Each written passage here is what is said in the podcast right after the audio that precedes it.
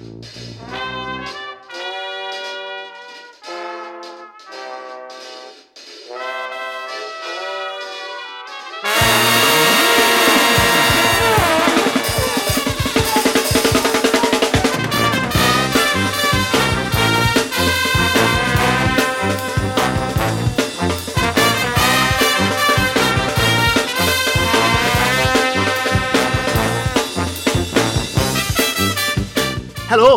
chroeso i benod 29 o Ysbeidiau Heilog gyda fi, Llywyd Owen. A fi, Lee Jones, lle byddwn ni'n rhoi sylw i'r pethau bach sy'n gwneud gwahaniaeth mawr i ni yn ystod y cyfnod hollol honco hwn. Wel, ie, yeah, wir, Liam. Um, ni yn bodlediad hollol anibynnol. Ac oherwydd hynny, mae angen eich help chi ein gwrandawyr anwyl arno ni i ledeini ein neges. So, os gallwch chi dilyn ni, aildryder ni, hoffi ni, please hoffi ni. A wedyn tan ysgrifio a gweud wrth eich ffrindiau a'r holl bethau yna, bys yna'n help mawr yn bys fe. Bydd, bydd. Achos, chi'n gwybod, bob wythnos dyn ni'n gwneud hwn. Bob wythnos. Bob a dyn ni, dyn ni, byth, dyn ni byth yn diflasu uh, trwy gwneud hwn bob wythnos. No, fi jyst fi jyst yn goffod o mewn ryn a gwerth ein gwrandawn. Fi jyst yn cael row wrth ni, right? yn gweud bod y penodau yma lle ta jyst fi a Lee sy'n neud e, a does dim gwestau gen ni, bod, fi, bod, bod fy fath o lefelau egni fi eitha lawr, so Hence the smashy and nicey stuff i'r podlediad yr wythnos yma. Just, hey, uh, yeah, just, baby. just yn yr intro, dyna gyd. Mae'n ffain, ma ffain am gweddill y penod. Y gwir yw, man. I mean, fuck me. Mae'n Mae'n rhyfeddol bod fi yma o gwbl wythnos yma, i fod yn onest. yeah. uh, ti eisiau dweud wrth bawb fi? be, be sydd wedi bod yn digwydd i ti llwyd? Be, beth yw'r... Bod yn bach yn ddramatig o, yeah. ti'n gwybod beth sydd wedi digwydd? Mae'r coronavirus wedi cyrraedd fy nhi bach i. Odi wir, mae fy merchenau Elian. Um, shout out i Els yn y dyfodol am sy'n bydd ni'n gwrando ar hwnnw o'r dad farw. Um, Eisiau clywed y lais unwaith eto. O, oh, dyd gan, dyd gan dad, ddim lot o egni yn ei lais, nag oedd. Yn bob yn ail benod oedd e'n ffain. Ond, um, yeah, so mae Els fy merch merchenau wedi cael y uh, coronavirus. Mae hi yn, wel, mae'n mae godro fe ychydig bach. Dwi heb gadw ei gwely ers ti'n syl. She's absolutely loving it. Mae di, mae di gwylio mwy o Netflix na unrhyw'n arall yn y byd dros y tri diwrnod diwetha yma. Uh, mae actually okay, um, o ran ei iechyd. Dwi, dwi e ddim uh, wedi taro hi yn galed hyd yn hyn, a gobeithio bydd hwnna'n para. Mae, mae fel bod gyda hi fflyw reit gwael, ond ti'n mo, dim o'r wael a'r fflyw sydd gen i ar y foment. Uh, man fflyw, wrth gwrs. Uh, dwi'n llawn anwyd, mae fy ngwraig i yn llawn anwyd, a mae fy merch uh, Ifanca chi, Ifanca i, uh, syfi, mae hi yn absolutely fine, bouncing, mewn i'r ysgol. What a bastard. What a bastard. Shout out. Uh, so, achos, achos Gaeth Elian, uh, Elian yr uh, um, uh, uh, y prawf positif. Yeah. Fe, ac oedd y ti'n teimlo'n saf, felly fe gest i PCR test. Do. Ac oedd y ti'n... ni family meddwl... outing lawr i'r PCR test centre. Lovely. Lle? McDonald's yn y ffordd gartre. Ac oedd y ti... Oedd y ti'n siarad, oedd e fel foregone conclusion. Yeah, yeah, right. Mae typhoid Mary, mae hi yn ei lloft hi, mae hi di infectio gweddill ohono ni. Yeah. Ac oedd e fel, dwi'n teimlo'n sal. Oh, man. Mae bendant, bendant Covid yw e, oh, achos bendant. ni'n honni Covid. A wedyn ges di'r canlyniadau'r prawf bore yma. Peth cyntaf bore yma, ie. Yeah. Yn dweud be... Oh, fine. Absolutely dim problem. Ond on on y peth yw, right, mae ma, ma, ma, ma, ma, ma, ma elfen seicolegol iawn i'r holl beth, achos nos syl, so, ma, achos bod y merch yn ôl yn yr ysgol, chi'n gorfod wneud um, ehm, lateral flow tests, uh, dwy tair gwaith yr wythnos, gan wneud i nos sil cyn mynd, cyn mynd o'r ysgol, a wedyn dwy weth yn ystod yr wythnos, neu unwaith yn ystod yr wythnos, be bynnag. Um, so oedd, so ni gyd, ni gyd yn neud e gyda'n gilydd ar nos seil, a, a, a, a ti'n ma, ma, ma fel pregnancy test, chi'n cael, ma, un lein am negatif, dwy lein, dwy linell am, am positif, so ni gyd yn sefyll yn y gegin yn neud e gyda'n gilydd. Ac uh, un Elian, o'ch chi'n gweld y ddwy linell yn ymddangos ac oedd pawb jyst yn bac o'i ffwrdd y ddwy. oh, dechrau, dechrau cael y wipes allan i sach i ddi. Ac, um, ond, ond y gwir yw, er, er bod fi, Lisa a Syfi wedyn yn, yn negyddol ar nos Sil, yn, yn eich pen chi, Mm. Um, Tewa, eithon e, ni i'r gwely, uh, yn syth oedd pawb fel, oh, yn teimlo bach yn weird. a wedyn o'n i yn y gwely, honestly man, noson effernol o gwsg, cos o'n i yn gorwedd yna yn y tywyllwch am oriau, just yn convinced bod fi ar fi'n fi marw. Oedde ti just, oedde ti just yn pryderu dros dy fe yn hytrach yeah. na actually bod yn sal? Yeah, absolutely. Ond wedyn, ti'n nes i gymryd mantis llawn o hynny, ar y dydd llun a cael diwrnod really chilled. a wedyn, um, yeah, prawf PCR negyddol a nôl at y gwaith heddiw a dyma ni. Um, Ti'n mo, mae fe llais i siarad yn swnio yn eitha, rhywiol. eitha rhywiol heno i'r merched ac i'r bechgyn sy'n gwrando wrth gwrs. Um, so, ie. Yeah, Ti'n gallu, gallu clywed ein Be? Dwi'n gallu clywed, dwi'n gallu clywed ein gwrandawyr ni yn llithro off eu cadeiriau nhw. oh yeah, babies. So, oh, yeah, dyna fy dechrau fy wythnos i, ond um, er mor ddifrifol yw pethau yn casa Owen yng Nghaerdydd, um, ti eisiau siarad am rhywbeth bach mwy, di, mwy, mwy, um, mwy difrifol yn dweud ti fel intro yr wythnos yma, Lee? Ie, yeah, wel i'n meddwl, ti'n gwybod, gan bod ni'n, um, ti'n gwybod, bys ni'n cael ein, uh, ein, ein cyfri fel light entertainment, siŵr o fod. Dyn ni fel y one show. Uh, ond, uh, ti'n gwybod, ti, ti wastad wedi cael dy, dy, dy ddisgrifio fel beti a'i phobl ar crack. So ie, yeah, dyn ni'n kind of dilyn y trywydd hynny, light entertainment. Uh, ond o'n i eisiau bod yn ddifrifol, oherwydd dwi wedi cael fy, fy niddori'n llwyr uh, yn ddiweddar um, to, borderline obsessed efo uh, 9-11, achos oedd hi'n 20 mlynedd ar 9-11 wythnos diwetha, ac yn amlwg mae yna llwyth o bethau i cofnodi uh, uh, nid well, i cofnodi chymod, yr, yr ugain mlwyddiant.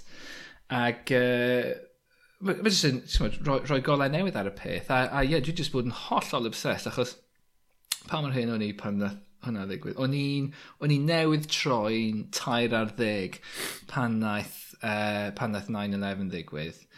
Um, a mae'n rhywbeth sydd, dwi'n meddwl, pobl fy oedran i, um, mae yna mae'n rhaid bod na rhyw fath o internalised trauma i weld y fath luniau ag i, ag i, i bob dim ar ôl hynny nath ddigwydd, chymod, Afghanistan a, a wedyn Iraq a beth bynnag. Um, a hynny jyst i fod yn rhan o bywyd, chymod, achos ti'n oedd na llwyth o mosodiadau terfysgol eraill, ti'n oedd um, uh, ffrwydredau yn Madrid, um, yr ymosodiadau yn Llundain wrth gwrs, um, a, a tmod, llwythi ohonyn nhw, a, a, a'r pethau yma fel just yn rhan cyffredin o, o fywyd, tmod, i arddegwr tyfu fyny gyda hwn just yn digwydd yn y cefndir, mae fel, yn amlwg mae yna, mae effaith y rhyfel oer ar y pobl wnaeth tyfu fyny yn ystod y cyfnod hynny yn, yn enfawr, chymod, yn yeah. ddim yn gwybod os oeddech chi mynd i cael eich ladd o fewn tair munud fath o beth.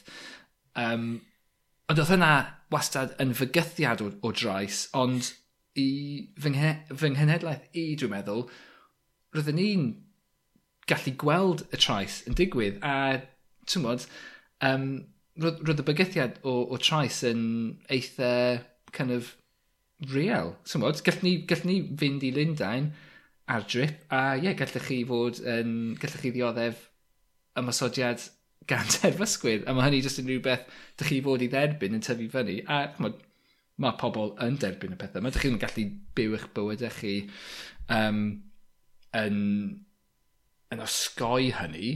Um, ond ie, yeah, just, so, so gyda'r holl beth, just bod yn meddwl lot am, am, am 9-11 a meddwl am, a what dysgu llwyth am hanes Afghanistan a tyma, hanes y uh, kind of, hanner cam mlynedd diwethaf yn Afghanistan ac mae beth sy'n arwain at um, pam bod pethau fel maen nhw a, a yeah, just borderline obsessed really ac um, yeah, a mae hwnna'n cael ei helpu ac ei, ei, ei fwydo gan um, uh, y, y rhaglen ddogfen na sydd ar uh, Netflix ar hyn o bryd. Beth i enw e?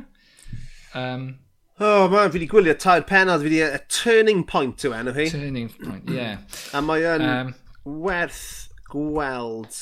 Um, dwi ddim yn wylio hawdd o bell ffordd, ond fi'n meddwl...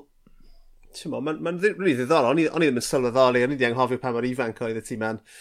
Um, so, o ti, o ti, fi, presumably, o ti yn yr ysgol amser ddigwyddodd e? Ie. Yeah. So, o, so oeddech chi, ti'n mo, oeddech chi, achos oedd y ti a, oedd e yn y pronawn, reis amser ddigwyddodd e, so oedd mm -hmm. yn digwydd am 9 gloch y bore, so oedd y ti a 2 gloch y pronawn draw fan hyn. Yeah. Um, I mean, fi'n fi, cofio'n union lle o'n i. O'n i'n gweithio um, i gwmni o'r enw Davis Colour. O'n i'n gweithio mewn um, sh, fel sh, blaen siop i gwmni oedd yn neud fath o high-end um, photo printing lawr mm. uh, yn Tyndall Road yng Nghaerdydd ac o'n i'n gweithio yn y siop a dath popeth i stop. Mm. G genuinely. Ti'n mae pobl yn gweud, fel cenedlaeth yn trienni, ni'n gweud, o, oh, ni'n lli cofio lle o'n i amser gath JFK. JFK, Neu yeah. y moon landing, neu rhywbeth fel yna. Yeah, yeah, yeah. Ond, ti'n ma, genuinely nawr, oedd na un teledu arno yn y fel, ti'n ma, yn y cefn, oedd arno trwy mm. dydd ar newyddion, ti'n ma, mm. neu beth bynnag. A nath y lle cyfan ddod i stop a wnaethon ni wylio mewn tywelwch mm. wrth, hwn, wrth i hwn ddigwydd. Mae'r delweddau yna o'r, uh, o'r, or awyrennau mynd mewn i'r tyre. Uh, fi'n meddwl yn rhan... Um, Tio, ni wedi gweld nhw cymaint o weithiau dros y blynyddoedd, mm. bod ni falle uh, yn anghofio yr impact ar y personol falle. Um, yeah. Ni'n meddwl am yr impact ar America a ni'n meddwl am yr impact ar y byd yn ehangach. Ond mae'r yeah. ma r, ma ma gyfres ddogfen yma sydd ar Netflix yn, yn, yn, yn rhoi sylw i'r i roi straeon personol. Mm. A mae'r... Ie, o'n i ddim yn disgwyl o gwbl, ond yn y, yn y benod gyntaf, o'n i bron iawn mewn dagre yn tmod, gwylio'r peth yma, achos mae'r ma, r, ma lluniau yma, yr delweddau yma, maen nhw bron iawn yn ubiquitous mm. chmod, dros, y, dros yr 20 mlynedd diwetha ac mae chmod, dych chi di cael eich desensitisio rhywfaint Hip i, i, i, chmod, i, i grym y, y, y lluniau a, a hefyd y raddfa. Chmod, os ydych chi jyst yn gallu dychmygu chmod, dyddi yma mae pob dim mor kind of at eich bysedd chi. Mae pob dim sy'n digwydd ydych chi'n gallu gweld hi yn uniongyrchol ac yn syth bin dim ots beth sy'n digwydd. Ond, dych chi'n gallu dychmygu gwylio rhywbeth fel hynny'n digwydd ar Twitter? Chymod, pam, pam mae pethau yn digwydd a dych chi'n eistedd ar Twitter ac yn refreshio hyd ac yn gweld, chymod, lluniau newydd, fideos newydd yn dod trwyddi. Ti'n gallu dychmygu rhywbeth fel hwn yn digwydd ar, ar Twitter a, a, a gymaint o bethau, cymaint o straeon unigol oedd yn yeah. digwydd ar y pryd. Um, a ie, yeah, ti'n mwyd, fel ti'n dweud, mae hawdd colli synwyr o'r um, straeon personol hynny. Mm. A hmm. ie, yeah, dyna beth mae'r ma, rhaglen ddogfen yma'n gwneud yn dda, yw rhoi chmod, rhoi'r straeon personol yna i chi. Um, mae fe'n rhoi'r cyfan i ti. Mae fe'n ma fe yn... Mae'n rhoi'r cyd-destun rhoi... hanes i gyd. Yndi, mae fe'n ma rhoi perspektif um, o'r ochr um, hanes Afghanistan i ti. Ie, yeah, mae hynny'n ma hynny hynod o bwysig. Yndi, mae fe'n ma fe rhoi um, y straeon personol yma, yn enwedig, um, o'n i'n mae'n ma, anodd i rywun sy, fel fi sydd yn eistedd wrth ddesg yn neud storys lan bob dydd, um, ddychmygu actually gorfod bod yn arwrol. Ond mae'r hmm. ma straeon am uh, dynion tân a'r heddlu hmm. oedd yn dringo y grisiau yn y tyrau yna yn gwybod bod dwy o wyren rhywun mewn i'r top a bod, bod y tyrau yma ar dan. Mm. Ac, e, ti'n mo, ac yn crynu o'i gwmpas nhw, a bod nhw'n redeg lan i, i, i dreul achub pobl, mae'n ma, ma anodd, anodd dychmygu. A, nid jyst hynny, y ti erioed wedi cymryd grisiau mewn, uh, mewn adeilad tal? Fi'n treial osgoi hynny. Ie, dyna'r thing. Os i ti, os ti'n mynd dros, ti'n modd, deg llawr, mae hwnna'n nacerin. Mae hwnna yn absolutely yeah, yeah. nacerin a ti'n gwybod, dyma, dyma nhw'n mynd i mewn ac yn gweld pobl yn dod lawr a, a maen nhw'n dweud, o, oh, o'n i ar uh, 70, 70 yeah, yeah, yeah, yeah. llawr. A ti'n gwybod, a maen nhw'n gwybod, o right, wel, na 50 llawr arall i fi ddringo. Yeah. Like, Mae'n nacarin. Absolutely yeah. nacarin. Like, well, ma, pa, pa use ti'n mynd i fod os ti'n cyrraedd y llawr yn ni?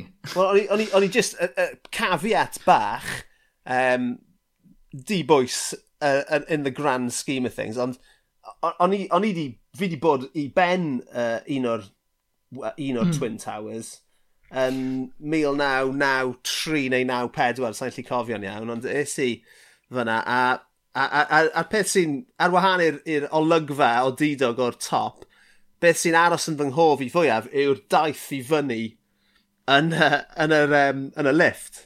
A hmm. ma, mm. oedd gyda nhw'r lifts fel high speed lifts yma, oedd yn mynd yeah. chi lan faint bynnag o tymo, loriau sydd mewn fel... a fi'n meddwl oedd e'n... Oedd e'n cymryd, fi'n meddwl munud i fynd lan yeah. o'r gweilad i'r top, ond nhw'n fel express elevators, a o'n i'n gallu bron teimlo'r G-force yn mynd lan. Yeah. Ond ie, mae ma, ma meddwl gorfod brwydro'ch ffordd lan y grisiau yn erbyn llif o bobl sydd yn dod lawr yn llythrenol yn treial, ti'n modd, dianc i achub eu mm. bywydau gyda mwg gyda mhm. y lle'n car... crynu. Dych chi'n cario eich offer chi hefyd sydd ddim yn ysgafn chwaith. I mean, Jesus yeah. Christ, mae'n anhygoel. A wedyn, ond na hefyd, un peth oedd yn aros yn fy nghofi oedd... Um, ond na, ond na un stori am y lift yn dod lawr, un o'r lifts olaf cyn bod nhw'n cael ei fatha i anablu, yn dod lawr i'r llawr gweilod a pobl yn dod allan ac oedd, oedd, oedd, oedd dim croen ar eu cyrff nhw. Achos hmm. bod y tanwydd oedd yn yr awyrennau wedi ffrwydro a wedi hmm. arllwys allan o'r awyren mewn i'r lift shafts ac yn llythrenol wedi stripo croen y bobl hmm. oedd yn y lifts. A dyna thing, ti'n... Holy fuck. Yeah. Chymod, dwi ti ddim yn meddwl am sut mae pobl... Chymod, achos yn amlwg, mae awyren yn hedfa mewn i adeilad, o, oh, okay, mae hwnna'n rhywbeth ddrwg, ond ydych chi ddim yn meddwl ar sut mae hwnna yn effeithio ar bobl. Ydych chi jyst yn meddwl, o, oh, right, mae hwnna'n mynd i frifo pobl, ond dydych meddwl chi ddim yn cymryd y cam nesaf i feddwl, o, oh, wel, mm. sut ydy, beth yw'r mechanwaith o, o sut mae... Na, na, oedd hwnna e pwysig meddwl ei, ti'n mo? Ac, ie, yeah, rhywbeth arall na Dwi wedi gwylio tair o'r penodau yma. A rhywbeth arall sydd wedi snico yn, ym, yn ymhen i yw bod... Fi'n meddwl na... Efe tua 3,000 o bobl fi farw. Ie, yeah, yeah. ym mhob um, yn, yn, y pedwar... Uh, o'r pedwar y wyren tua 3,000, ie. Yeah. Okay. So, ond nas un ystadegyn, oedd oedd nath rhywun ddweud bod 400 o gyrff dal mm. heb cael ei identifio. Mm achos yeah. oedd y dinister mor ddifrifol. Hynny, ti'n gallu well, yeah. dychmyga bod yn, uh, yn un o'r tyre amser yn e ddod mm. lawr mm. yn dyfa. Ie. Yeah.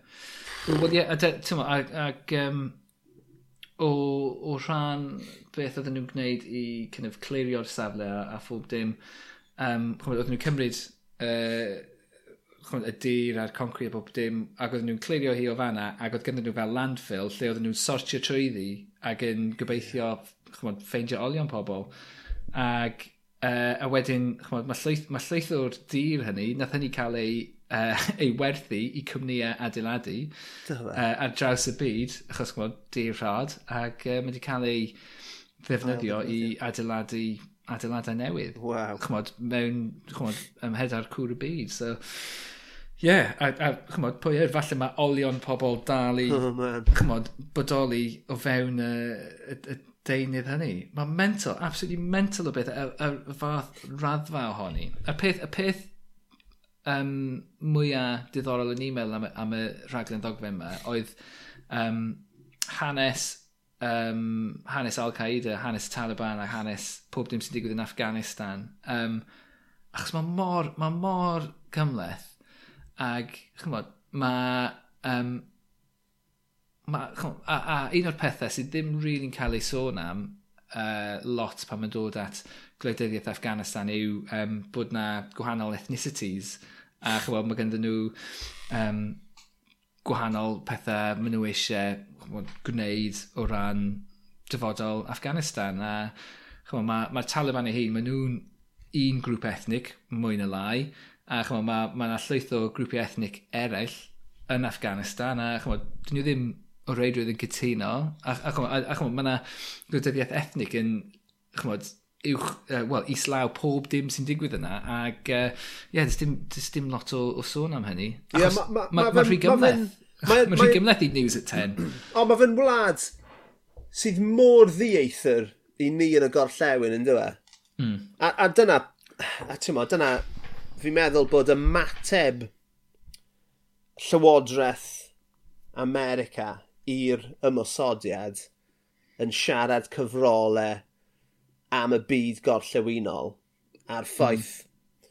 A ti'n achos, achos wnaethon nhw, wnaethon nhw fynd am Afghanistan, ond ar ôl, ar ôl ychydig wnaethon ni droi yn, yn Iraq, a, a, a ti'n ma, ma fe'n ma fe awgrymu bod nhw just fel, wel, maen nhw i gyd yr un peth draw fyna, let's go hmm. after mm. them sydd yeah. yn amlwg just yn nonsens llwyr fel ti jyst wedi crybwyll dy hunan. Ond mm.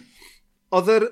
Ti'n fi'n fi meddwl nath un o fath o staff George Bush, y tŷ gwyn, ofyn yn ystod um, un o'r, un o'r penodau dwi wedi gweld. Mod, uh, neu falle taw mm. George Bush ei hunan nath ofyn, why, why do they hate us so much that they want to attack us like this? Ond yn, yn lle wedyn pwyllo, oedi, a falle treial ateb hynny, achos, ti'n foreign policy sy'n wrth raidd hynny gyd, right? Nethon nhw just anghofio y cwestiwn yna yn syth, a just fel bwli oedd yn benderfynol o dal i'r pwyth yn ôl, dyma nhw just mm. yn hmm. penderfynu ymosod. A, ti'n dwi e ddim yn uh, orddweud bod y digwyddiad wedi newid y byd, ti'n mo, mae hynny'n hollol wir. Um, yeah. Er enghraifft, mae'r byd ni'n byw ynddo heddiw yn fath o uh, yn, yn, yn, yn, yn gynnyrch uniongyrchol o beth ddigwyddodd y diwrnod yna. Paranoia, yeah. um, gwallgofrwydd uh, ar-lein, ni'n gweld e, ti'n mo, mae ma fe dal, ti'n ni'n gweld uh, yn yr anti-vax uh, demonstrations mm -hmm. yma, so mae fe gyd yng, ynghlwm um, gyda'r paranoia sydd dod o hynny. Ond un o'r pethau mwyaf nath newid, fi'n meddwl, ar, ar Llywodraeth America, wnaethon nhw um, gyflwyno um, darn o ddeddfwriaeth um, o'r enw Stella Wind a'r Patriot Act, right? Yeah. A mae hwnna i gyd yn nhw'n wneud gyda casglu data cyfrinachol am ddinasyddion America i ddechrau. Um, ac oedd hwn byth wedi digwydd o'r blaen. Ac wrth gwrs, cofio nôl i 2001 i'r i'r un gwrandawyr ifanc ni, oedd yr internet yn rhywbeth newydd tu hwnt ar y pryd. Yeah. Ond wrth gwrs, erbyn heddiw, mae casglu data cyfrinachol wrth ddinasyddion y byd yn rhywbeth i ni'n cymryd mor ganiataol a just mor blaseu amdano fe, ond nath ei gyd ddechrau oherwydd um, 9-11. Mm. Yeah. So, yeah, yeah, just, just, di ddim, ti'n mae synion hollol hirt, really, i ddweud, o, ti'n bod, na, nath, nath y newid y byd, ond na, yn lythrenol, pob, no. mae bron iawn pob agwedd o, o, o, o bob dim wedi cael ei effeithio ganddi. Hmm. ti'n gwybod, achos yn edrych, mae llwyth o bobl um, sydd ddim yn trystio llywodraethau, a mae hynny'n dod o uh, o, o hwn, ti'n bod? Um, llwyth yeah, bobl ddim yn... Conspiracies amdano fe, ie. Yeah. a llwyth o bobl ddim yn ymddiried yn...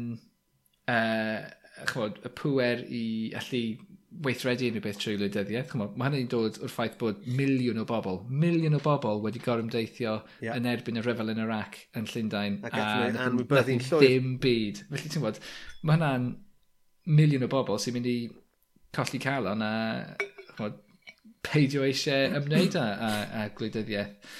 So, ma, so felly mae hynny'n rhoi mwy o, mwy o rym i wleidyddion a llai o atebolrwydd hefyd.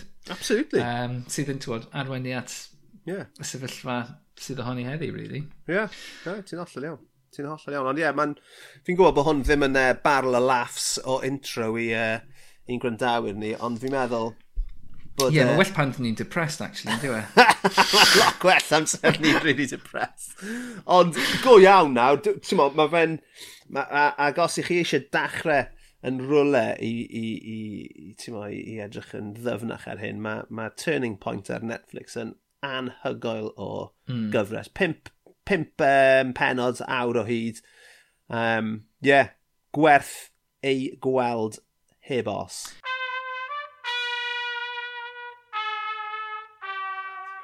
So ie, yeah, um, Lee, um, ar ôl hynny, beth am uh, troi at falle bethau sydd yn, yn uh, rhoi gwen fach ar ein gwyneb ni? Um, oh, so, syniad da. Beth, beth, beth, beth sydd wedi bod yn neud ti'n hapus yr wythnos hon, dwi'n? Dwi newydd brynu tyledu newydd. Um, a mae y tro cyntaf i fi erioed gael smart TV. Um, a, ti'n gwybod, di smart TVs ddim yn bethau newydd. Na. Um, ond dwi, ti'n yn... So, yr wythnos yma yn swyddogol, technoleg a theclynau yw, yw fy mwnci. Dyna'r is-benawd. Ie, um, achos, achos fe ges i tyledu newydd yma, ond off gefn hynny, dwi wedi uh, uh, adnewyddu fy, fy rhyngrwyd, so nawr, dyn ni'n cael, dyn ni cael 5G internet, achos ges i, ges i dwy jab Pfizer, so mae 5G yma yn y tŷ.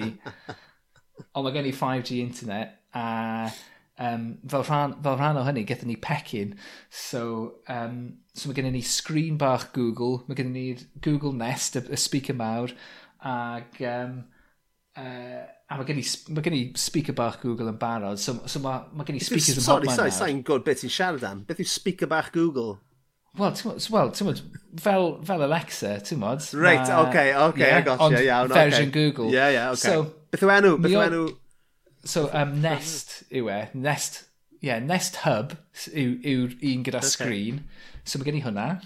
Uh, ag Nest Audio yw'r un sy'n just fel speaker sy'n just yn, chymod, gwneud sŵn i chi a beth bynnag. Um, ond oedd, oedd gen i ni fel speaker bach, o'r blaen yn y gegin, a chymod, oedd hwnna wastad, jyst yn defnyddio hwnna o hyd i, chymod, dechrau time pan o'n i'n berwi o'i. dyna, dyna, dyna, chymod, yn unig uh, fath o... Ti'n herio'r technoleg fyna. Wel, yn union, yn un teimlo, o, oh, mae hwn yn bach o wastraff. Ac, ti'n meddwl, ac yn chwarae cyddoedd ar ni, a dyna, hwnna oedd, chymod, i y raddau o'n i'n defnyddio fe i. Ond y ffaith bod, i, bod i'n gallu cael y pethau mae gyd yn rhad ac am ddim, gyda 5G internet, o'n i'n meddwl, right, fucking bring it on. So hwnna gyd, gyda'r teledu newydd. A mae'n ma mental. So, heno, pan o'n i'n rhoi Aida i wely, oherwydd dyn ni wedi symud y speaker yma o'r gegin um, i fyny grisiau i'r um, stafell wely, mae hi'n gweld hwnna, a nath hi, just o nynlle, mae hi'n ddwy flwydd oed, nath hi ddweud, hey Google, a wedyn mae'r golen dod ymlaen, A wedyn mae hi jyst yn dweud, let it go, a mae'r thing yn dechrau chwarae, let it go, o Frozen. a mae hi jyst yn dawnsio rownd e, rownd y stafell yeah. Ready. Fel, Yeah, so, well, ti'n ni, ni jyst ni jyst yn ei crybwyll bod, y rhwng, bod ni'n gallu mm. cofio mm. byd heb ryngrwyd, right? Wel, dim yeah. plant ni ddim yn, ddim yn yr un cwch ydyn nhw. A no. dyn nhw ddim, ti'n e, a, a, a, fel, bydd oed yr un peth i ti. Dwi'n, dwi, dwi ddim yn wych, ni'n gwybod hyn, ni wedi siarad am hyn ar y podled, dwi ddim yn dda iawn gyda technoleg. A, ond os oes yna unrhyw broblem gyda, er, gweud bod fi'n methu wneud rhywbeth ar fy ffôn, fi'n llythrenol yn gallu gofyn i un o fy merched i, a maen nhw'n gallu wneud e bron gyda'i llygoed ar gau. Be bynnag mm. yw e? Wel, maen nhw'n nhw digital natives yn dyn nhw. Dwi'n dwi, dwi teimlo, dyma ni, here he goes again. Come on. Dwi'n teimlo... Dwi'n teimlo... Brace yourselves. Ffodus iawn. um, achos dwi o'r genhedlaeth oedd wedi cael y rhyngrwyd a heb cael y rhyngrwyd. Achos o'n i'n tyfu fyny, chymod, ar draws y ddwy um, kind of era hynny. Yeah. Dwi'n cofio, dwi'n cofio VHS, dwi'n cofio chwarae ar y stryd. dwi'n dwi, dwi cofio y stuff, y stuff mae i gyd lle chwan, y byd cyn y rhyngrwyd, ond hefyd roedd, roedd y rhyngrwyd yn rhan fawr o fi'n tyfu fyny hefyd. So yeah. dwi wedi cael best of both worlds yn fanna. so um, nath y, nath y ryngrwyd cico mewn ti am sort ti tua deg oed, e? Ie, ie, ie. Achos amser o'n i'n yr ysgol, um, so o'n i'n neud fy lefel A i rhwng 93 a 95. A oedd na gwrs, oedd na gwrs um, cyfrifedureg cyntaf erioed wedi cael ei gyflwyno ar, ar lefel A. Mm. A nath good cwpl o'n ffrindiau wneud y cwrs yna. A wnaethon ni jyst cymryd y pes allan nhw am wneud cyfrifedureg am ddwy flynedd. As in, pam, mae chi eisiau gwneud... O, oh, mae'n mor pointless. Fi, is i'r coleg wedyn, is i'r coleg rhwng 95 a 98, a nes i, oedd dim, o, o, nes i ddim defnyddio cyfrifiadur. Nes i ysgrifennu pob treithawd, pob darn o waith nes i gyda llaw. Nes i ddim yn agos at gyfrifiadur. A tan bod fi... Ie, yeah, tan, tan bod fi yn fy swydd go iawn gyntaf yn 1999. God, ti yn hen. Ie. Yeah. Yeah. A dyma, a dyma, a, a, a, a fi'n lli cofio'r dechnoleg e-byst a pethau fel yna yn dod yn, yn, yn hmm. fwy mm. ag yn fwy cyffredin. A, ma, a fi'n lli cofio VHS's yn marw allan yn araf bach. Um, a discs yn dod yn fwy amlwg yn dyma. Am nawr, cofio... erbyn hyn, mae fucking discs wedi bloody mynd. Mae'n absolutely nuts. Mewn ugen mlynedd, basically. Mewn ugen mlynedd, mewn blink. O ti'n cofio um, dy gyfeiriad e-bost gyntaf di? Mae dal gen i fe. mae gen i enw, mae gen i enw reit uh, anghyffredin yn does yn Lucas, so... E, uh, yeah, yeah. So, yeah. So, yeah, na, dim, dim byd coman fel uh, Lee Jones, de. na, oedd uh, cyfeiriad e-bost gyntaf fi, oedd uh, Funky Corn Dude 666. Sef dy enw canol di. yeah. Obviously, corn, corn fel y band, come on, yeah. gyda K. Uh, O'n i'n weld cwon fel sausages. Veggie, veggie sausage. uh, yeah, yeah, dyna fi. Brilliant. So, back in the day. Dyna, yeah. dyna, dyna pwy oeddwn ni yn logio ymlaen. Yeah. Uh, so gys ti drafferth yn yeah. set o'r pethau yma lan? Na, o, oh, mae mor rhwydd. Ti jyst yn agor yr app ar y... Ti'n mae gen ti Google Home app ar y ffôn a mae pob dim yn cael ei reoli o fanna ti'n ti cael, ti cael notification, unwaith mae rhywbeth yn cael ei plygio mewn, dwi'n cael notification ar fy ffôn, achos mae gen i ffôn Google hefyd, dwi wow. yn, oh my god, dys gen i ddim ots o gwbl am fy nata i. O, oh, ti'n be di, be di Google Take wedi it, fucking have it, mate, have it. Yeah, mae'n ma hollol, ma hollol ddiwerthu fi. Be, ti'n beth ydy Google mynd i wneud gyda fy nata i? o, oh, maen nhw'n mynd i hwyluso fy mhrofiad i ar y we. So, yeah, take it. Achos dwi'n dwi, dwi, dwi gweld hysbysebion trwy'r amser am bethau dwi eisiau prynu. Um, Diolch. Uh, yeah. Na fel mae'n fo gweithio. Ie, yeah, dwi, a, a ti'n gwybod be? Dwi'n mwynhau hynny, achos does gen i ddim lot o arian, a dwi ddim yn prynu unrhyw beth off hysbysebion, ond mae'n ma tanio rhywbeth ynddo fi, mae'n ma neud i fi feddwl, o, oh, falle rhyw ddydd, falle rhyw ddydd na i prynu par o drwsys am cant a hanner o bunnau. mae'n neud ti deimlo'n um, reit arbennig. Ie. unigryw. Yeah, well, yn, un, yn union, achos mae'r ma, ads yma, oh, mae'r hysbysebio mae i gyd yn unigryw i fi. Yeah. Ti erioed i gweld, ar, um, os ti'n ti mynd ar Google a ti'n ti edrych ar um, dy gyfrif di, ti'n gallu edrych ar y profile, achos, achos maen nhw'n nhw, nhw rhoi rester o, um, rester o, o, o pethau sydd bod ti'n diddori yn ddi. Um, Be, ti di roed y rhestr yna mewn dy hunan? Nage, nage, mae nhw wedi, no. mae Google wedi adeiladu'r profil yma. Fi eisiau clywed y rhestr di. Ie, yeah, dyna, dyna pam ti'n trio chwilio Death me. metal, expensive bread. oh, gad i fi ffindio fe, achos mae hwn, achos na ddangos i chi. Um, na, ond mae ma yna ma pethau, mae yna, dwi yn ymwybodol, dwi'n mynd rhoi pob dim i Google. Uh, dwi'n kind of Just y ennoedd. Just fel YouTube history a pethau fel yna. Achos os yw'n chwilio am rhywbeth ar YouTube, chances are mae gen i ddiddordeb yn hynny.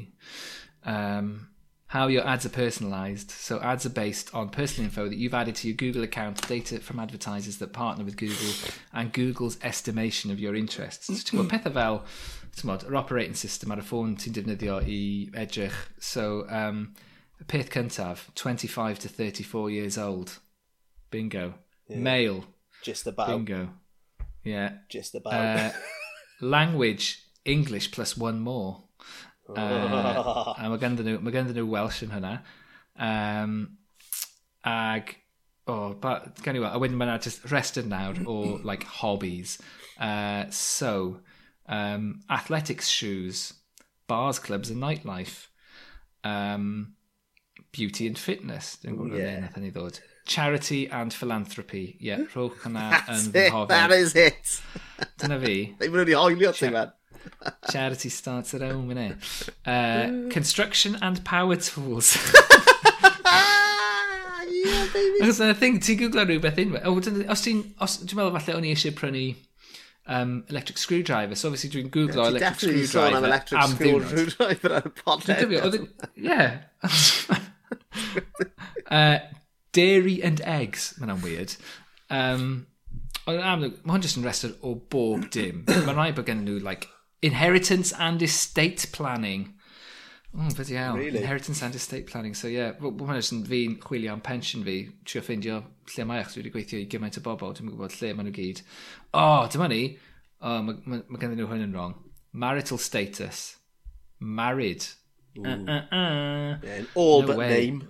Living in sin. Um, Google estimates this demographic because of your signed on activity is similar to people who've told Google that they're in this category. Hmm, diddorol. Men's interests. What? Bit, bit fuck di men's interests. One Wanko. Pipe smoking. Yeah. Oh, yeah, and everything. That porn or whatever. Straight porn. men's in- ah, yeah, yeah. Well, Straight men's interest porn. yn... Mae hwnna yn... Na, sut ma'n nhw'n gwybod am hynny? Ti'n gwybod beth dwi'n meddwl? Incognito. Mae gen nhw camera sydd yn edrych arno ti pob tro ti'n cael un. Mae gen nhw, nhw speaker ym mhob ystafell, so dys dim cuddio. Mae gen nhw camera under goc. Ah, oh, diddorol. Right, so un, un o fy diddordebau i, parenting. Un arall, parental status, not a parent. Hmm. Mm. Wow. A mae hwn o Google Estimates na, so maen nhw'n... So, dyma ni, dyn nhw ddim yn all knowing all seeing, so... Yeah. yeah. O, oh, diddorol bod ti'n siarad am technoleg, achos fi a Lisa, wel, Lisa, i fod yn honest, fy ngwraig, mawef, mae Lisa yn newydd archebu ein car trydan cyntaf ni. Mm. Um, so ni yn mynd, ni'n ni gweud hwyl fawr i'r tractor diesel sydd gyda ni ar y foment a ni uh, yn mynd i gael car super duper hollol cant a cant trydanol um, yn mis tachwedd. Mae'r ma, ma, ma, ma archeb mewn. Um, maen nhw'n effernol o ddryd, so diolch byth bod Lisa yn gweithio i'r NHS a maen nhw'n gallu, maen gallu liso nhw trwy'r gwaith a, a maen nhw'n nhw, nhw cynnig super duper deal. So ni'n cael, ni cael car, ni'n cael Audi, absolutely top of the range am bris teg iawn, chwarae teg. Cys, uh, ti'n meddwl, dyn ni, so, ddim yn, dyn ni ddim yn bobl cyfoethog, ond mae hwn yn neud synwyr llwyr. Wel, mae... So mae'r Llywodraeth wedi... Maen nhw'n mynd i stopio um, ceir... Uh, diesel a petrol. A diesel. Maen nhw'n mynd i cael ei stopio cael ei gwerthu o fewn y degau nesaf, dwi'n meddwl 2029 neu falle, falle cyn hynny. Maen nhw'n stopio stopio cynhyrchu nhw yn 2025 fi'n meddwl. Mm, so felly, ie, yeah, so felly wedyn mae yna dwy flynedd iddyn nhw Rhywbeth fel yna, ie. Falle. Rhywbeth fel yna. Um, so, so y thing efo fi, achos dwi, achos dwi wedi edrych, yeah. achos dwi'n meddwl, o, oh, bys hynny'n rhywbeth dda, peth braf. Uh, ond i fi, mae'n edrych fel, dyw'r technoleg ddim cweit digon da ar hyn o bryd. So pa mor bell ti'n gallu cael ar single charge? Wel, mae yna ma, ma loads o variables yn dys e, yeah. ond maen nhw'n gweud, um, so amser chi'n edrych lan y spec, mae fe'n ma fe gweud y, y, y top end, sef uh, uh, pa mor bell allwch chi fynd se chi ddim yn agor ffenest nag yn rhoi radio mlaen a dim byd fel yna, nag yn cario, ti'n modd, dim pwysau. Dim goleadau. Ond wedyn mae fe'n gweud actual hefyd, mwy realistig. Mm. So, I mean, be, beth o'n ni eisiau, um, y, y peth pwysicau i ni fel teulu yw gallu cyrraedd Ynys Môn mewn un go achos, yeah. achos y black spot yn Powys, basically. Does dim broedd dim charging points yn Powys. Ond, um, yes, yeah, so, byddwn ni'n neud o'n hawdd. I mean, mae'r ma car ni wedi mynd am yn y diwedd yn rhoi dros 250 milltir i ti, ti'n mo, yn oh, conservative easy. estimate. Ond y, y gwir yw hefyd, I mean, fi'n fi, gweud hynny am Powys, mae yna ma na ddigonedd o lefydd i bweru eich ceir, hyd yn oed. Mm. I mean, does na ddim lot ym Mhywys, ond ma na rai ym Mhywys, ti'n mo? A, mo, I mean, Christ, mae fy, ma, ma fy anwyl roig i, chwarae teg i ddi, mae hi yn neud lot fawr o ymchwil mewn i'r peth yma. Mm. so, so um, yeah, mae hi, mae hi wedi neud y gwaith, A, ti'n mo, I mean, mae'r ma, car, eithon ni i weld e mewn garage, a mae e'n teimlo... Ti'n gwybod, ti'n gwybod, be, be o'n i'n siarad, yw, bob tro chi'n prynu car newydd, dylse'r car newydd fod yn well na'ch car mm. blaenorol, ond, ti'n gwybod, dim, dim yn ridiculously yn well. Ond yeah. mae hwn fel bod ni wedi mynd fath o 5 neu 6 cam. wow. Mae'r car yn absolutely stonking. Mae fel, ti'n ma, gallai ti ddychmygu Buck Rogers yn gyrru rownd ynddo fe? Buck Rogers, Lee! Yeah, Buck dwi, dwi Rogers. Oedden nhw dal i ddangos repeats o Buck Rogers pan o'n i'n blentyn, so ie, yeah, so dwi'n gwybod pwy yw Buck Rogers. Hwna, y Buck Rogers gang, a fi'n wedi wastad yn hynna, e unrhyw beth fatha, e, um, rhywbeth cyfoes. Uh, Alan Partridge. Uh, yeah. Amser some fe'n mynd i weld y tŷ newydd. I can imagine. I can imagine. Buck Rogers am yn y dump on na. Na'n union lle mae'n dod o. Buck Rogers. Biddy biddy. So yeah, technoleg. Love it.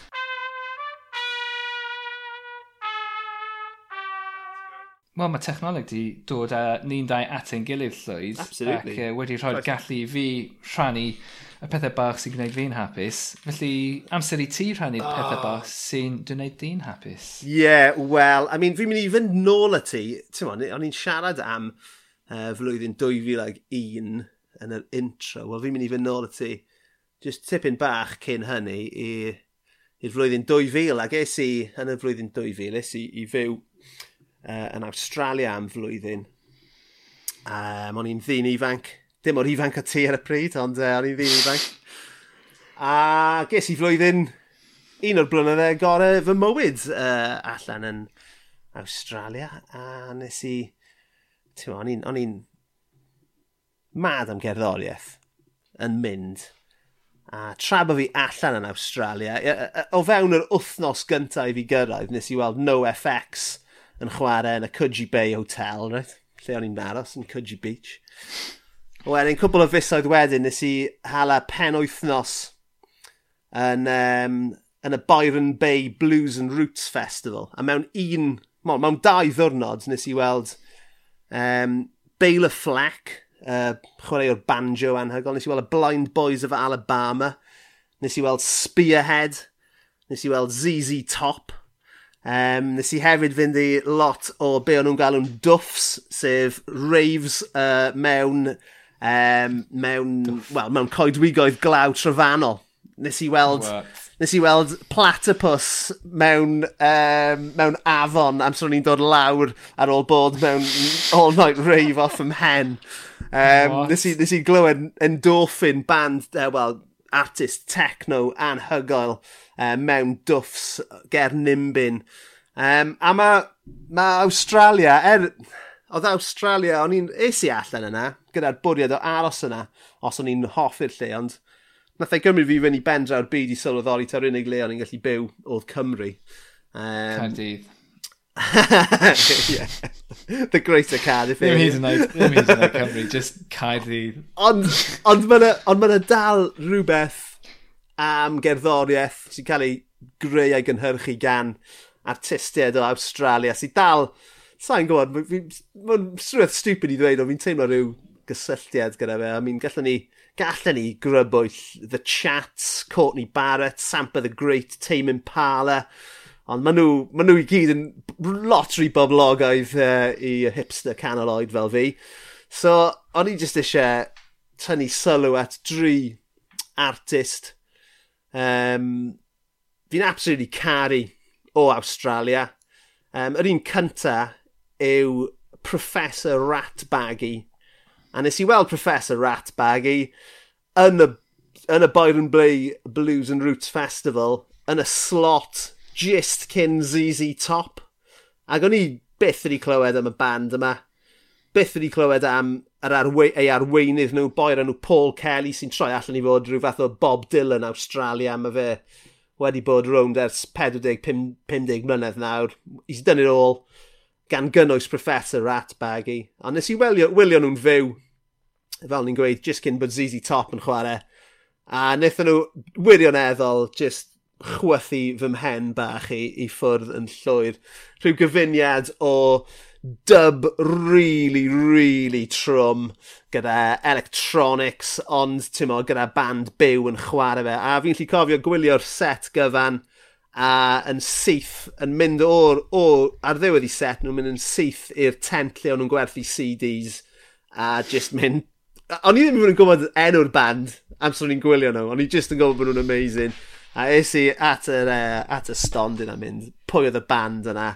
A dyma nhw'n mynd, Professor, I, mean, I want one of those CDs. Give me one of everything. A ti'n ma, maen ma nhw'n...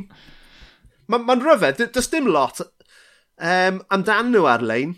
Um, Gei di ddigon o wybodaeth am Paul Kelly, ond dim lot am Professor Ratbag. Ie, dyn nhw ddim wedi gwneud dim byd ar wahan i'r un um, album yna nôl yn flwyddyn 2000.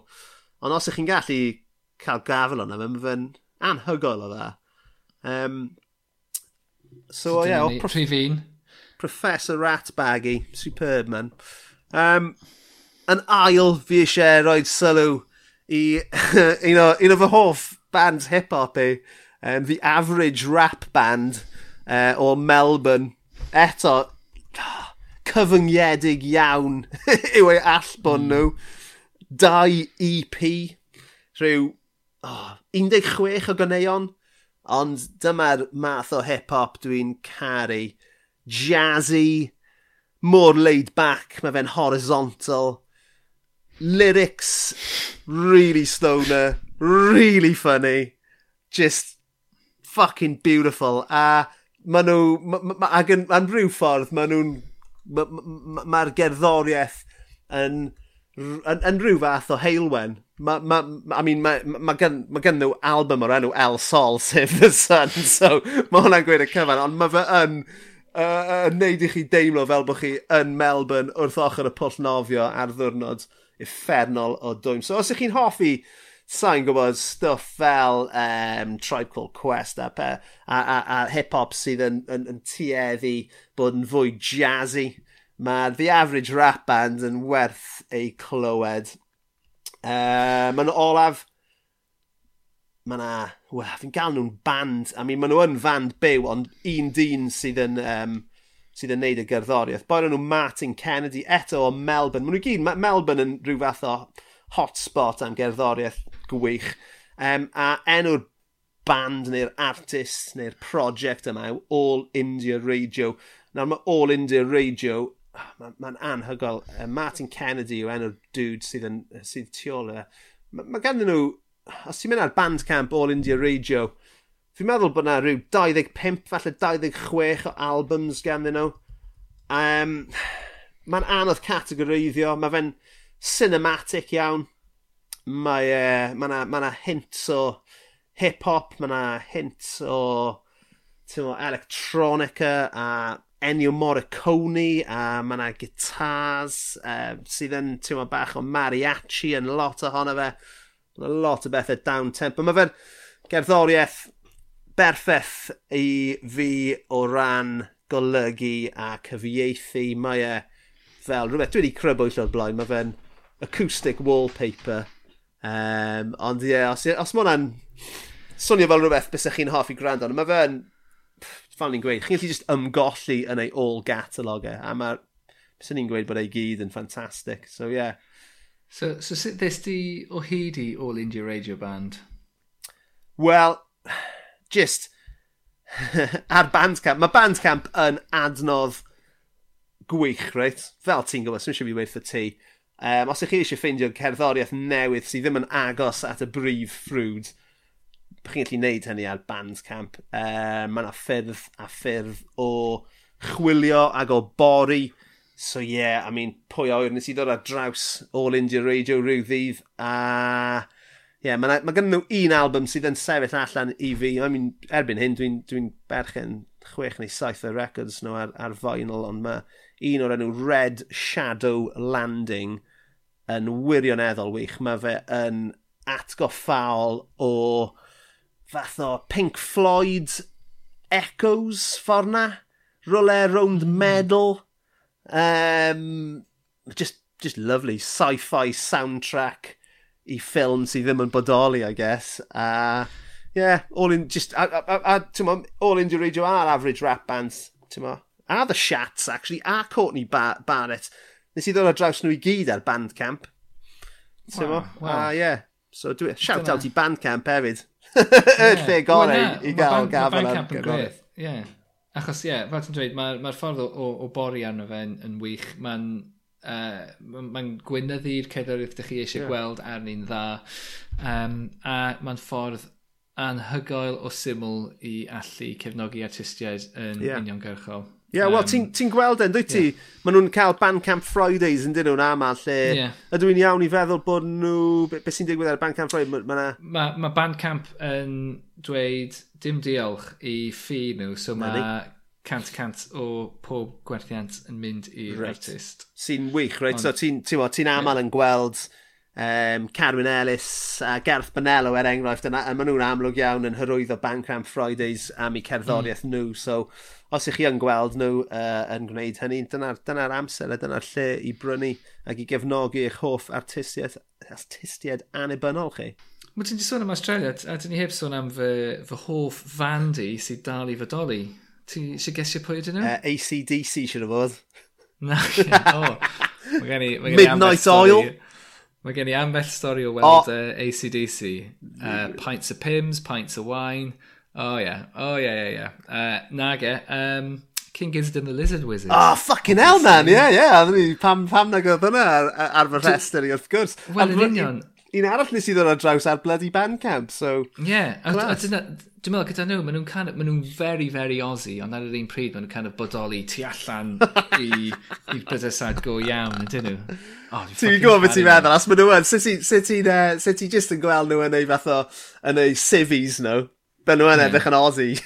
Yeah. Ond wedyn, maen nhw'n gwisgo fel, ti'n bod, cl e, clogin, fel, fel uh, dewin, uh, dewin dol a pethau fel yna. Ond, yeah. Uh, yeah, man, King Manu Gizzard and the Lizard Wizard. Great. Ath, um, ath hei Chalkline, um, hyn ffrind i fi, Hugh Evans, ar daith gyda nhw yn, yn, no well, dim yn ddiweddar. Yn, yr early days. Ah, ie, yeah, achos oedd... Um, Ond ar Heavenly, ie? Ie, yeah, wel, dwi'n meddwl distribution deal o gynddyn nhw. Dwi'n meddwl oedd... So, mae gan um, uh, King Gizzard label ei hun, a dwi'n meddwl oedd Heavenly yn rhoi recordio nhw allan yn... Yeah. Ewrop, dwi'n yeah, meddwl. Sicr. So, yeah, so oedd yeah. Hey Chalkline... Ti'n ti dychmygu, so Hey Chalkline, a os fi'n cofio'n iawn, oedd Hew yn llythrenol yn mynd ar ben ei hunan. Sa'n meddwl oedd yn mynd ar yeah, band yeah. Gyda, gyda fe, achos ti'n meddwl, band gyda fe yn chwarae'r festivals eleni, ond yeah, ar y daith yna gyda King Gizzard, fi'n meddwl just Hew oedd e. Ti wedi dychmygu mynd allan cyn yr King yeah. Gizzard? Just ar ben yeah. hunan i chwarae few, few folk, folk numbers. Ie, yeah, dwi'n siŵr, dwi siŵr nes i weld e o gwmpas yr amser hynny, cyfnod hynny, ac oedd ie, yeah, just fe yeah. ar ben ei hun gyda gitar. Ie. Yeah. Um, yeah followed by... hey, two on me, yeah, you take what you get, Seven-piece psych band. yeah, ond ie, yeah, mae ma nhw'n amazing. Nath, nath nhw rhyddhau rhywbeth eitha rhywbeth, nath nhw roed, um, nath nhw rhyddhau fath o, ti'n modd, y master tapes ar gyfer lot o live recordings. Um, yeah, so... A wedyn... Be maen nhw... Ie, yeah, go on, ti'n gwybod mwy am hyn, so, fi. be maen nhw wedi gwneud, nath nhw um, yn 2017, ar ddechrau'r flwyddyn, nathyn nhw, um, nathyn nhw rhyddhau album yn, yn mis Chwefror a nathyn nhw ddweud bod nhw'n mynd i rhyddhau pimp album yeah. yn ystod y flwyddyn.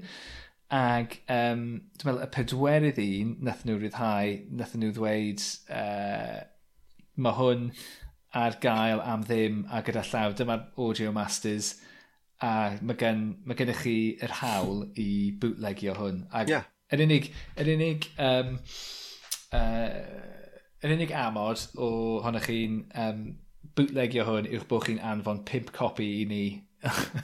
um, a dyna thing, a, a oedd hynny'n lwyddiannus. So ers hynny, maen nhw wedi gwneud yr un peth ar gyfer loads o sets byw ac yeah. um, cyngherddau byw. Ac, uh, yeah, so mae gen i un o'r ein Mae gen i mm, un hmm, o'n nhw trwy... A, a, ban, um, bubble wrap nath, nath wneud e. Ah, really? So, yeah. A mae ma fe, na i ddangos i ti ar ôl ni stopio'r con, mae fe yn absolutely gorgeous o, o'r, yeah. uh, ti'n bod, yr uh, packaging. Mae'n stunning. Wel, mae ma, ma, ma discogs nhw, mae tydalen discogs nhw yn absolutely mental, achos mae'n gymaint... Ti'n methu gymaint... cadw land nhw, man. Ti'n methu cadw ma land nhw. Wel, yn union, mae'n gymaint o albums, first of all. Um, chymod, achos wnaethon nhw rhyddhau pimp mewn un blwyddyn. Sa'n album dyn nhw wedi gwneud? Uh, Mae nhw lan, lan i tua 15 ewn yn fi meddwl. Nage, 18.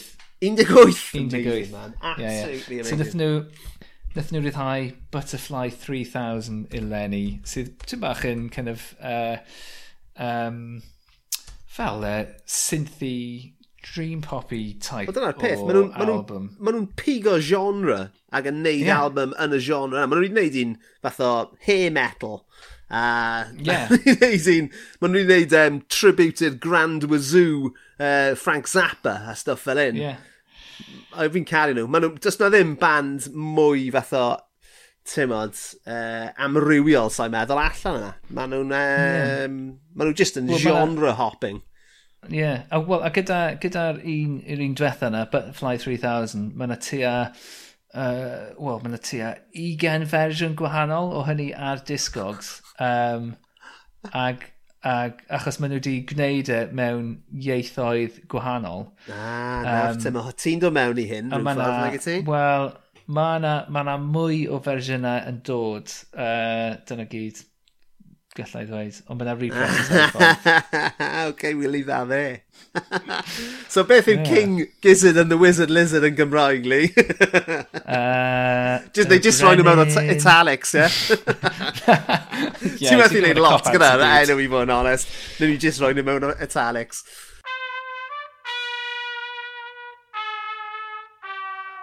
Lyflu cael dy gwmni di eto heno a diolch i chi i gyd am rando mas fyna yn ble bynnag i chi. Um, cofiwch rannu tan ysgrifio, bla bla bla bla bla. Dilynwch at ysbeidiau heipod. A byddwn ni'n ôl wythnos nesa gyda gwestai arbennig iawn. O oh, ie. Yeah. Ti eisiau dweud wrth fi ar ôl ni stopio recordio? Surprise! Iawn. Nice one. Nice one. Diolch bawb. Nos da. Ta-da.